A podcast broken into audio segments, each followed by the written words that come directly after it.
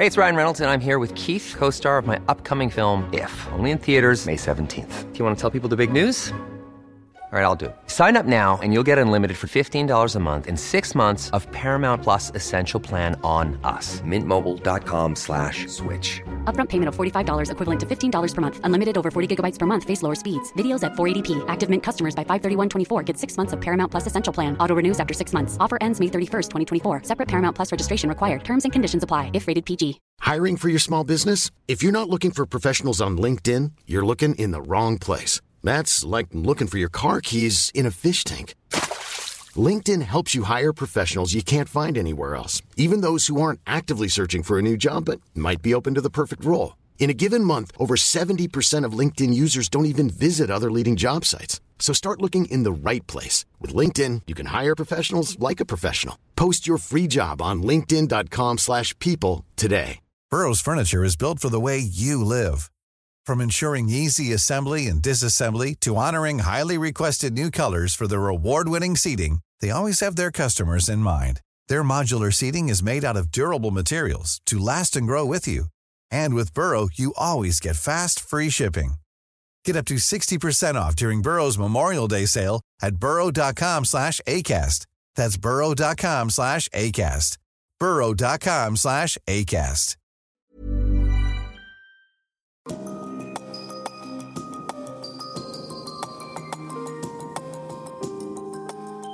Du lytter til podkast fra Oslo Militære Samfunn. Besøk vår hjemmeside oslomildsamfunn.no, og se oss også på Facebook, Twitter og LinkedIn. Generaler, admiraler, kjære medlemmer, kjære gjester. Hjertelig velkommen til vårsemesterets fjerde møte her i Oslo Militære Samfunn. Aftenens foredragsholder behøver jeg ikke introdusere så nøye for denne forsamlingen. Det er sjefen for Sjøforsvaret, kontreadmiral Nils Stensønes, som er aftenens foredragsholder. Stensønes ble utnevnt til sjef for Sjøforsvaret den 16. august i fjor, og kom da fra stillingen som sjef, sjef operasjonsavdelingen ved FOH. Tittelen på hans foredrag er 'Status og utfordringer i Sjøforsvaret'. Vi ser frem til å høre tingenes tilstand der. Admiral, talerstolen er din. Tusen takk. Eh, jeg har sett virkelig frem til å få presentere status og utfordringer for Sjøforsvaret. Og det er en liten eh, nyanse mellom i og for Sjøforsvaret. Eh, jeg er bedt om å si i, men jeg snakker om for, fordi da kan jeg adressere mer av det jeg har lyst til å adressere. Men nå er jeg sjef Sjøforsvaret, og ikke generalinspektør. Og det er for meg en ganske viktig endring, og det vil jeg komme tilbake til senere. Men først så kommer jeg til å beskrive våre omgivelser og våre sikkerhetspolitiske utfordringer. Nå med et maritimt eller sjefen for Sjøforsvarets briller. Deretter vil jeg komme med noen betraktninger om hva det betyr for oss. Oss i form av en maritim arktisk nasjon med globale interesser, og for Sjøforsvaret. Så kommer jeg til å dele noen betraktninger om hvilke evner vi bør ha, og status på hva vi har og hva vi gjør for å møte denne situasjonen i dag. Som sagt så vil jeg også si noen ord om betydningen av å gi sjefen for Sjøforsvaret et taktisk ansvar, før jeg omtaler styrkeproduksjon. Og så kommer jeg helt til slutt til å snakke litt om fremtiden og se lenger fremover. Havet har alltid vært avgjørende viktig for Norge. Helt tilbake til vikingtiden var havet transportåre, og høsting av havets ressurser var essensielt. Men dette har vært under konstant utvikling. Men hele tiden har transport og høsting av havets ressurser vært viktig for Norge. Dagens transport, det er shipping, transport gjennom rørledninger, strøm gjennom kabler, og ikke minst data gjennom fiberoptiske kabler. Dette er det internasjonale samfunns blod- og nervebaner. Og Ifølge en artikkel publisert av Michael Sechrist ved Harvard Kennedy School, så går det alene finansielle transaksjoner for ca. 10 billioner dollar hver dag gjennom disse fiberkablene på havbunnen. 90% av all import og eksport til Norge går over eller gjennom havet. Høsting av havets ressurser handler fortsatt om fiske, men nå også eh, oppdrett i industriell skala. Olje- og gassindustrien og dette utgjør Norges tre største eksportnæringer. Flere omtaler tiden vi er inne i nå som havets århundre, med økende knapphet på ressurser og skifte i fokus fra den grønne åkeren til den blå åkeren. Dette er også noe av bakgrunnen for den økende kampen om rettighetene til havområdene, som jeg skal komme tilbake til. Jordens befolkning vil passere 8 milliarder mot 2030. Og Hvis vi legger dagens ressursgrunnlag tilbake, eh, til grunn, så kreves det to jordkloder for å underholde den befolkningen. Og hvis vi legger en vestlig standard syv jordkloder. Den gode nyheten er at en del av løsningen på ressursknappheten frem mot 2040 finnes i havet. Dette gjelder både innenfor fornybare og ikke-fornybare ressurser. Ved Universitetet i California Santa Barbara viser forskning at om verden tar i bruk alle havområder egnet for havbruk, kan verden produsere 100 ganger mer sjømat enn i dag.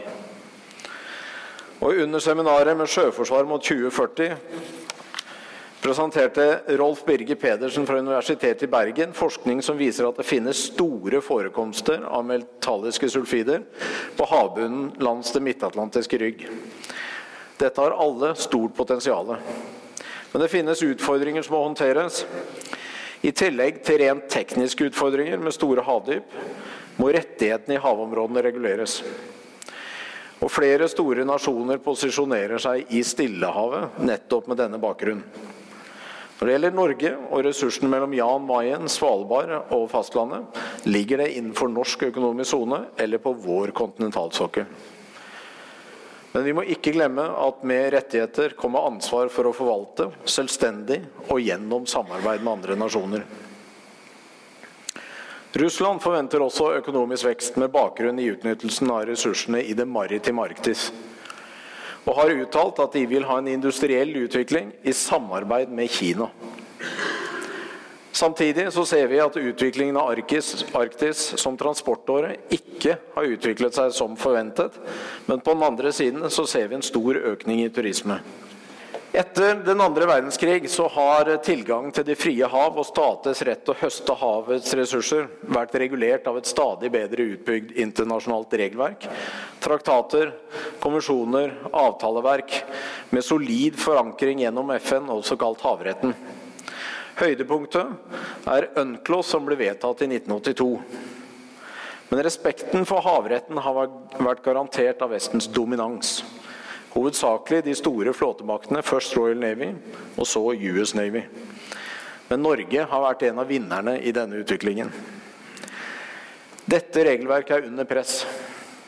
Med Kinas aktivitet og militære oppbygging i Sør-Kina-havet, som utfordrer og uthuler retten til fri ferdsel på det åpne hav, og retten til å høste av havets ressurser.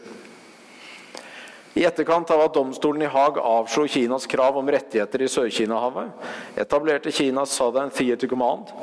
Denne skal kunne planlegge, lede og utføre operasjoner med land-, sjø- og luftstridskrefter, i tillegg til strategiske missilenheter i dette området, nettopp for å hevde deres krav. Denne aktiviteten utfordrer UNCLOS. USA, vår nærmeste allierte med deres Freedom of Navigation Patrols, er i denne sammenhengen garantist for UNCLOS, til tross for at de ikke har ratifisert den. Men det er allikevel hovedsakelig utviklingen innenfor russisk sikkerhets- og forsvarspolitikk som vil ha størst betydning for Sjøforsvaret. Vi er en liten nasjon, med en solid forankret i Vesten, med en mer selvhevdende stormakt som nabo i øst.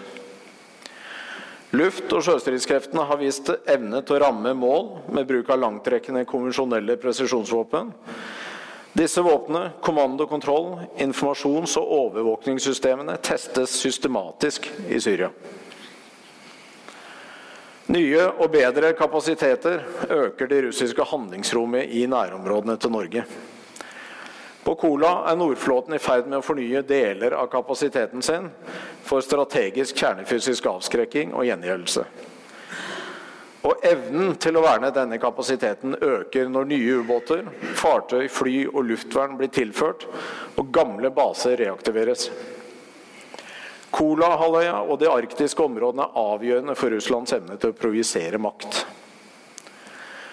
Russland får dermed større mulighet til å påvirke norske interesser og aktiviteter på land og i våre havområder. Russiske styresmakter fremhever behovet for styrket kontroll i denne regionen. Dette skal hindre andre aktører i å utfordre russiske økonomiske og militærstrategiske interesser. Og for Russland føler målet om nasjonal kontroll i Arktis til økt sivil og militær aktivitet og nærvær. Men med den ulovlige annekteringen av Krim og flytting av landegrenser i Europa har vår nabo vist evne og vilje til å bruke militærmakt for å oppnå politiske mål. Russlands modernisering med høyteknologiske sensorer og våpen, samt erfaring med å nå politiske mål uten involvering av større bakkestyrker, kan gi en lavere terskel for bruk av militære virkemidler i andre sammenheng. I sum så har vi altså en sikkerhetspolitisk situasjon som kan true havretten, og derigjennom vår mulighet til fri ferdsel på havet og utnyttelse av våre havområder. Norge er en maritim arktisnasjon med globale interesser. Vår særegne geografi med en lang kyst, som i tillegg er kurvet, har gitt oss en enorm økonomisk sone. Norge er en maritim nasjon som henter sin velferd fra kyst og tilhørende havområder.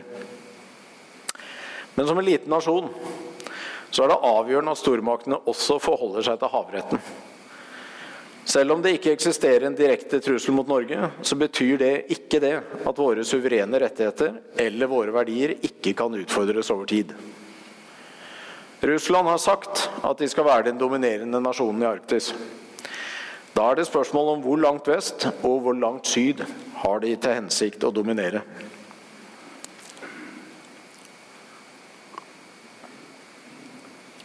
Som eh, forsvarsministeren sa på denne talerstolen, Norge er ikke litt for folkeretten. Om havretten utfordres andre steder i verden, kan aktører oppleve mulighetsrom i våre nærområder. Så vi kan ikke, og vi må ikke la være å bry oss om det som skjer i andre deler av verden. Det betyr at terskelforsvaret av Norge starter ute, bl.a. ved deltakelse i Natos stående maritime styrker og deltakelse i operasjoner sammen med våre allierte. Erfaringen fra Krimhalvøya og Ukraina med bruk av øvelser som dekke for reelle operasjoner bekymrer oss. Det betyr at vi må ha kort reaksjonstid og være klar med det vi har nå. Og Det betyr at vi må være i operasjoner daglig. Derfor er det viktig at Sjøforsvaret i stadig større grad har fokus på at alt vi gjør til dagen er rettet mot å være i operasjoner eller forberedelse til operasjoner. Den nye regjeringsplattformen den forteller at forsvars- og sikkerhetspolitikken må bygge på avspenning, avskrekking, konfliktforebygging og sikkerhet og stabilitet i våre nærområder. Og, litt lenger ute, styrke den sjømilitære tilstedeværelsen og forsvar av kysten, står det. Og Som sjef for Sjøforsvaret er det viktig for meg å reflektere over hvilke evner vi må ha for å møte disse kravene.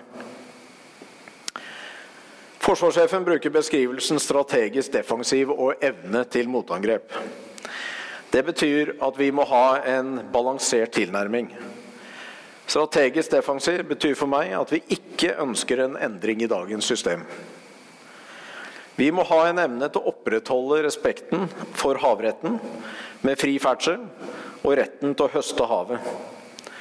Samtidig må vi ha en troverdig evne til motangrep, slik at alternativet til å følge havretten gjennom maktbruk er så kostbar at potensielle motstandere finner det regningssvarende å fortsette å følge havretten. Med andre ord avskrekking. Det første løser vi på en særdeles bra måte med Kystvakten, som opererer i tråd med havretten, forutsigbart, konsekvent og åpent. Og det styrker respekten for dette sporet. Vårt bidrag til avskrekking det er først og fremst gjennom marinen. Og vår evne til avskrekking betyr først en evne til å påvirke en motstander der hvor det rammer hardt på avstand, noe som betyr langtrekkende presisjonsild. Dernest må vi ha evne til å skape dilemma gjennom usikkerhet. Det betyr mobilitet og evne til å operere skjult. For det tredje, og kanskje det viktigste, må vi ha evne til å ta imot allierte. Og det innebærer klarering av leden og eskortekapasitet. Og til sist må vi evne å beskytte oss mot overraskende angrep. Vi må vite, med andre ord, vi må vite hva vi skal ramme, og hva vi skal beskytte. Til de to første evnene så har jeg lyst til å fremheve kapabiliteter som korvett og undervannsbåt, gjerne i samarbeid med fly. De har slagkraft, de har evne til overlevelse gjennom mobilitet og skjul. Men det er en signifikant endring fra den kalde krigen til der vi står i dag. Vi var i stor grad taktisk defensiv med et stort volum. Nå er vi betraktelig slankere, men med en større slagkraft per enhet. Det driver oss mot og krever at vi klarer å beskytte de verdifulle få plattformene vi har, og at vi er offensive i vår evne til motangrep. Den tredje evnen, det å sikre mottak av allierte, skal vi ikke gjøre alene. Men vi kan ikke forvente at andre skal løse alt. Det er ingen andre som kan operere på norskekysten som oss. Så vi må sannsynligvis ta ansvar for territorialfarvannet og inn. De største maritime utfordringene vi kommer til å møte, det er langtrekkende presisjonsvåpen, og spesielt i undervannsdomenet med miner og torpedoer. Det krever altså ikke mer enn en håndfull miner eller torpedoer for å hindre en hel brigade å komme sjøveien. Her blir vår evne til antiubåtoperasjoner, hvor fregatter, helikopter, ubåter og fly opererer som ett team, essensielt. Og sist, men ikke minst, det finnes faktisk ingen andre enn oss som kan rydde miner effektivt i våre farvann. Her er vi nesten aleine. Det vi gjør i dag, og det vi jobber mot, det er å være et sånende sjøforsvar som seiler i det daglige. Det vil bidra til overlevelse eller beskyttelse mot overraskende angrep gjennom mobilitet og uforutsigbarhet. Et fartøy som er underveis, og særlig en ubåt som er neddykket, er vanskelig å lokalisere og derved bekjempe. Samtidig som vi skaper usikkerhet hos en potensiell motstander. Og så må evnen vår til krigføring være reell ved at kampkraften er tilgjengelig der det trengs, når det trengs, og være bemannet og med materiell som virker. Life is full of awesome what ifs, and some not so much, like unexpected medical costs. That's why United Healthcare provides Health Protector Guard fixed indemnity insurance plans to supplement your primary plan and help manage out of pocket costs. Learn more at uh1.com. Hey, it's Ryan Reynolds, and I'm here with Keith, co star of my upcoming film, If, only in theaters, May 17th. Do you want to tell people the big news? All right, I'll do it. Sign up now and you'll get unlimited for $15 a month in six months of Paramount Plus Essential Plan on us. Mintmobile.com slash switch. Upfront payment of $45 equivalent to $15 per month. Unlimited over 40 gigabytes per month. Face lower speeds. Videos at 480p. Active Mint customers by 531.24 get six months of Paramount Plus Essential Plan. Auto renews after six months. Offer ends May 31st, 2024. Separate Paramount Plus registration required. Terms and conditions apply if rated PG. Forsvaret av Norge handler også om å bidra til å opprettholde aktivitet i samfunnet gjennom vår evne til å sikre flyt av handel under krisesituasjoner. Det fordrer en kystvakt med evne til både myndighetsutøvelse og suverenitetshevelse, samtidig som vi håndterer en konflikt med bruk av marinen. I denne gråsonen mellom fred, krise og krig kan det være utfordrende å skille mellom kriminell, eller å skille mellom kriminell fra fordekt militær aktivitet. Det stiller krav til vår evne til situasjonsforståelse, og da vil jeg trekke frem to viktige momenter. Det første det er Kystjegerkommandoen som en allsidig avdeling. De har evne til å operere hele konfliktspekteret, fra hybrid scenario på havet med boring og visitasjon, til åpen konflikt med overvåking og ildledelse i kystnære områder for å sikre allierte forsterkninger. Det andre momentet er Kystvakten med dens unike lokalkunnskap og den begrensede politimyndigheten. De kan identifisere unormal aktivitet tidlig. Og vår løsning med felles ledelse av Kystvakten som hovedaktør i nedre del av konfliktskalaen, og Marinen i øvre del, er etter min mening derfor svært hensiktsmessig. Forvaltningen av våre havområder det er en stor suksess som følge av tett og godt samarbeid mellom mange sektorer. Våre nærområder er sannsynligvis det eneste havområdet hvor den totale biomassen øker. Vårt bidrag er hovedsakelig Kystvakten, som forvalter et enormt område som vokser i utstrekning og aktivitet. Og dette krever tilstedeværelse flere steder samtidig, og vi er strukket med ressurser med en redusert havgående struktur og mangel på helikoptre, som dere vet. For marinens enheter merkes en økning i oppdukkende ikke planlagte oppdrag. Det har vært styrkebeskyttelse, tilstedeværelse og suverenitetshevelse. Og flere av oppdragene har vært av lengre varighet. Antallet oppdrag ble doblet fra 2015 til 2016, og doblet igjen fra 2016 til 2017. Vi har hatt kontinuerlig tilstedeværelse med en undervannsbåt i Nord-Norge. Vi har økt seilingsdøgn med fregatt og korvett. Og I 2017 var 48% av aktiviteten vår i Nord-Norge, og det er en dobling på de siste tre årene.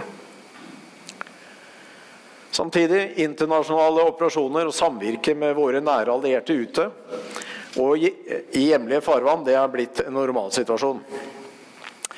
Innsatsen bidrar til alliansebygging, dempe motsetninger og understøtte nasjonale interesser. I 2017 har vi bidratt til i Coalition of Maritime Forces i Bahrain, operasjon Sea Guardian i Middelhavet, vi har avvikt sanitet og kystvaktpersonell til operasjon Triton i Middelhavet. Kystjegere til støtte for MJK i Afghanistan. Vi har hatt KNM Hinnøy og Rauma i Natos minerydderstyrke nummer én. Og så har flaggkommandørene Sandquist og Kammerhuber ledet Natos stående fregattstyrke nummer én i hele 2017 fra fregattene Roald Amundsen og Otto Sverdrup. Det er ofte ute i de internasjonale operasjonene vi vinner erfaring som styrker våre ferdigheter til å forsvare Norge. I tillegg øker våre ferdigheter til å samvirke med våre allierte, som vi stoler på for forsvaret av Norge. Så derfor er det for meg ikke en motsetning mellom å operere ute versus det å forsvare Norge. Og Det finnes flere eksempler på at en operativ enhet i Middelhavet kan være i Nord-Norge hurtigere med operativ effekt enn et fartøy som ligger til kai på Håkonsvern. I dette bildet er jeg også veldig glad for utviklingen av et nytt maritimt tungt fellesoperativt Nato-hovedkvarter med Atlanterhavet og sikring av forsyningslinjer som fokus. Det kommer til å bli viktig for Norge. Så noen ord om uh, sjef Sjø som taktisk sjef. Uh, I langtidsplanen er det beslutta å gi grensjefen et taktisk ansvar. Og det gir meg et helhetlig ansvar. Det omfatter styrkeproduksjon i tillegg til planlegging og utførelse av operasjoner. Jeg skal altså ikke bare styrkeprodusere mot de evnene jeg har snakket om tidligere, jeg skal også lede enhetene slik at effekten oppnås. Forsvarssjefen leder Forsvaret med sjef Forsvarsstaben og virksomhetsplan på den ene siden, og sjef FOH og planverket på den andre. Og dette gjenspeiles i hvordan vi har valgt å eh, innrette Sjøforsvaret. Jeg har derfor nå to sentrale stabsfunksjoner og planverk. I hverdagen driver stabssjefen virksomhetsstyring gjennom virksomhetsplanen. Og Det er vi godt kjent med, og det vil jeg påstå at vi er gode på. Vi har levert på alle punktene i forsvarssjefens virksomhetsplan, og vi kom i mål i 2017 med et underforbruk på 0,25 men å lede gjennom det operative planverket, det er nytt. Jeg har derfor oppretta en stilling som sjef for operasjonsstaben i Sjøforsvaret også. Og han skal lede denne delen av aktiviteten i hverdagen. Og så vil jeg fremheve tre momenter. For det første så vil det være viktig for oss å forstå hva våre foresatte ønsker å oppnå. Dernest operasjonsområdet, og til slutt ha ressurser tilgjengelig. Det betyr at vi legger vekt på å være intensjons- og plandrevet, kunnskapsbasert og e-drevet i våre operasjoner, med materiell som virker, og robust bemanning. Og Vi skal i større grad øve og trene mot det operative planverket og mot reelle trusler.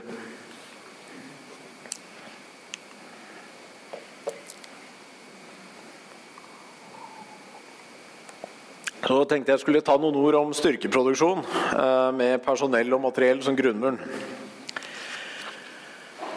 Vår evne til å opprettholde respekten for havretten og vår evne til troverdig eh, motangrep hviler på godt materiell og primært på dyktig og dedikert personell.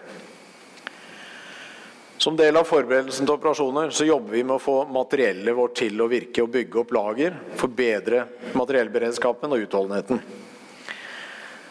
Jeg er veldig glad for at langtidsplanen erkjenner at vi over tid har bygd opp et betydelig vedlikeholdsetterslep. Men nå ligger det faktisk i langtidsplanen midler til å vedlikeholde strukturen og kjøpe reservedeler. Jeg er opptatt av at planen følges slik den er lagt, og det vil øke tilgjengeligheten på fartøyene og det vil redusere klartidene. Den såkalte VBR, eller vedlikehold, beredskap og reservedelssatsingen, den går i henhold til planen. Og i 2017 så omsatte vi alt vi fikk tildelt. Og jeg ser allerede en ganske betydelig effekt uh, av dette. I uh, eh, 2017 gjennomførte vi 98% av planlagt aktivitet. Og med bevilgninger i tråd med langtidsplanen så vil vedlikeholdsetterslepet i stort være tatt igjen i løpet av 2020. Men det betinger at bevilgningene følger planen, og at nødvendige oppdateringer av materiellet gjøres. Men så pålegger langtidsplanen oss ganske betydelige effektiviseringskrav innenfor dette området også. Og Da er jeg opptatt av at vi evner å tenke nytt. Stille spørsmål ved en del etablerte sannheter. Og Vi må kontinuerlig lete etter områder hvor vi kan redusere utgiftene og få mer operativ effekt innenfor budsjettene. Kan vi frigjøre midler ved å ha lengre tid mellom hver hodeoverhaling?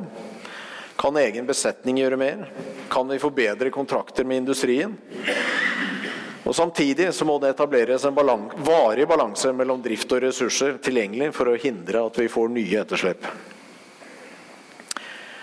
Sjøforsvaret selv har gjort en betydelig innsats med å få opp antall besetninger.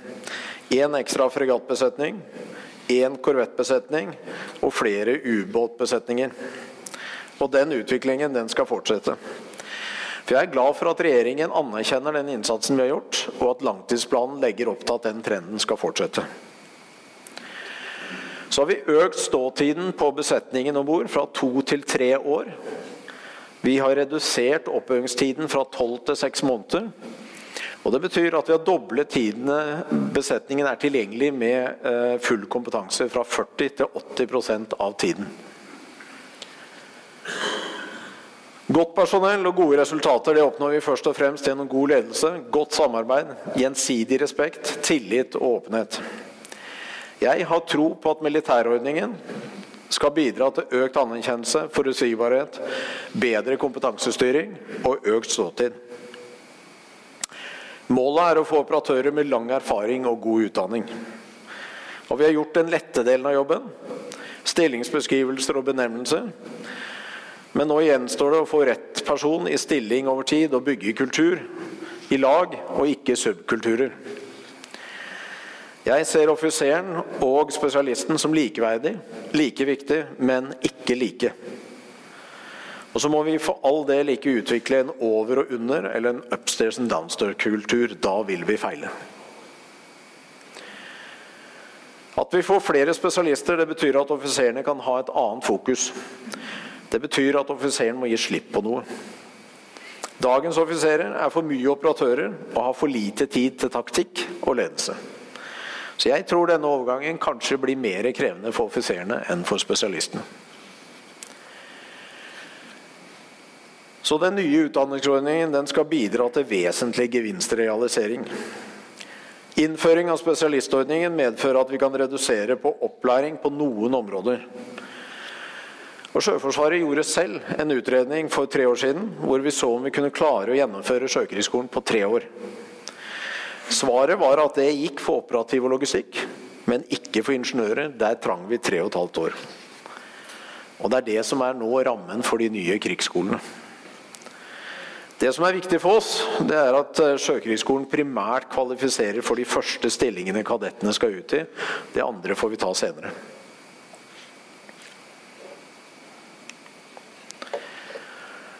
Hvordan Norge møter fremtiden i en litt mer uoversiktlig verden med stormaktskonkurranse på havet, det vil være avgjørende for vår velferd. Det er noen konstanter vi skal ta med oss. For det første er Norge en arktisk nasjon med suverene plikter og rettigheter over store havområder. For det andre Norges plassering med tilgang til Nord-Atlanteren, arktiske kommunikasjonslinjer og store ressurser. Og for det tredje er vi Nato i nord. Med en stormakt som nabo med interesser i vårt nærområde. Det pågår et teknologikappløp med stor hastighet. På det tidligere nevnte sjømaktseminaret med sjøforsvar mot 2040 så vi utallige muligheter i teknologien. Men vi kan ikke alt, eller gjøre alt. Vi må identifisere det vi kan få mest effekt av, og velge. Derfor er jeg opptatt av at vi har balanse. Vi trenger ikke mer materiell enn vi evner å bruke. Vi skryter av investeringsprosenten vår, det er bra, men overhodet ikke hvis ikke det følges med midler til å drifte det etterpå. Sjøforsvarets eh, oppgave fremover det er å implementere vår del av langtidsplanen. Og Langtidsplanen, gitt at den følges, gir oss evne til å bruke det vi har, og det vi får, gjennom en bedre balanse mellom bemanning og materiell, men også mellom materiell og vedlikehold. Så Min overordnede ambisjon for kommende periode er å få det vi har til å virke både som enkeltelementer og som system. Vi skal altså opp i antall besetninger, vi skal opp i seilingsdøgn. Vi skal heve vår faglige kompetanse. Vi skal ha logistikk som virker, og ha dybde. Rent konkret så skal vi øke gripbarheten fra 2019 med en stående taktisk enhet bestående av forskjellige fartøysklasser i Nord-Norge. Gjennom 2018 og frem mot 2021 så skal Sjøforsvaret ha etablert en taktisk kommando. Den er ferdig og klar til sommeren. Vi skal opprettholde et deployerbart ledelseselement, også kjent som Nortege, og Kystvaktens ledelse fra Sortland. Vi skal bygge opp ytterligere én besetning på ytre kystvakt øke fra fire til fem fregattbesetninger, motta helikoptre, implementere fire Hugin-systemer og utfase to mineryddere. Vi skal øke antall ubåtbesetninger, og så skal vi motta et nytt logistikkfartøy. Ikke helt ubetydelige oppgaver, men vi er i god rute. Mottak av nytt materiell det betyr at vi skal strekke oss lenger og skape nye dilemmaer for en motstander. Maud gir oss muligheten til å operere med en annen utholdenhet enn vi har hatt. Og Maud vil betydelig øke tilgjengeligheten av kampenhetene våre i operasjonsområdet. Innfasing av NH90, nye maritime patruljefly og nye ubåter vil påvirke hvordan vi utfører antiubåtoperasjoner. Og nytt konsept for eh, minemottakstiltak og videreutvikling av taktikker med NSM og JSM må vi også prioritere. Videreutvikling av operative ledelse fra forsvarssjefen gjennom FOH og taktiske ledelseselementer det er for meg et veldig viktig fokusområde. Her tror jeg grenene må bidra mer. Vi må ikke sitte passivt og vente på at FOH skal tenke fellesoperativt. Vi må selv ta initiativet å få maksimalt ut av det våre fellesressurser gir oss. Men det blir ikke bare innfasing av materiell. Noe skal ut. Det er besluttet at korvettene skal ut når nye jagerfly med JSM er operative. Og dette kommer til å få en betydning for hvordan vi skal løse våre oppdrag. Og her må vi finne nye måter å gjøre det på, sammen med de andre grenene og sammen med FOH. Men i kommende periode skal vi fortsette vårt fokus på å bygge grunnmuren ved å ta inn vedlikeholdsetterslep, styrke reservedelsbeholdningen og få det vi har til å virke. Jeg vil gjerne gjenta for forsamlingen at det må være en balanse mellom materiell og vedlikehold, og personell og materiell. Med korte varslingstider så er det ikke tid til å skaffe reservedeler, reparere eller trene opp en besetning fra grunnen av i, tide. Det er det vi seiler i dag, vi skal slåss med i morgen. Så til slutt så vil jeg si noen ord om fremtiden på lengre sikt. På flere måter så kan vi si at fremtiden allerede er her. Under det nevnte sjømaktseminaret diskuterte vi en svermtaktikk med droner. Og for noen uker siden så vi nettopp dette i Syria.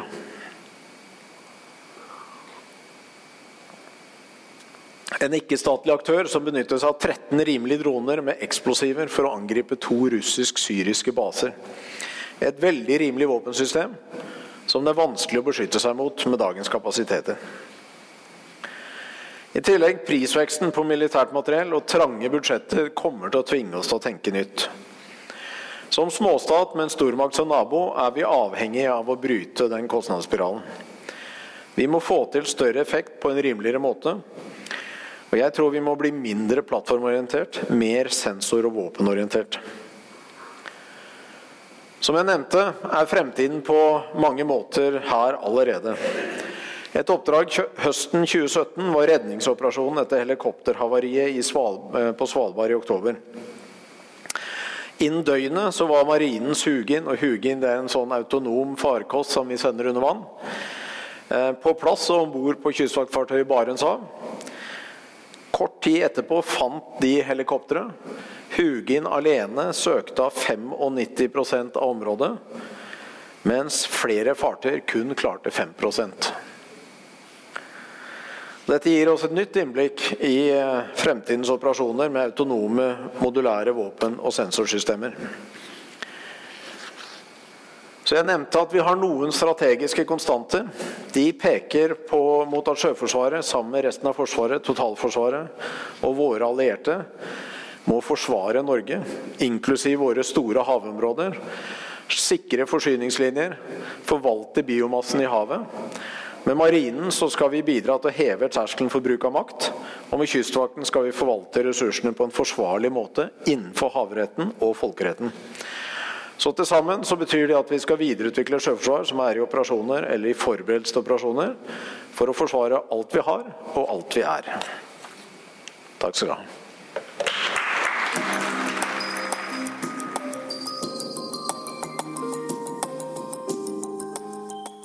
Har hørt podcast fra Oslo Militære Samfunn. Besøk vår hjemmeside oslomildsamfunn.no, og besøk oss gjerne på sosiale medier som Facebook, Twitter og LinkedIn.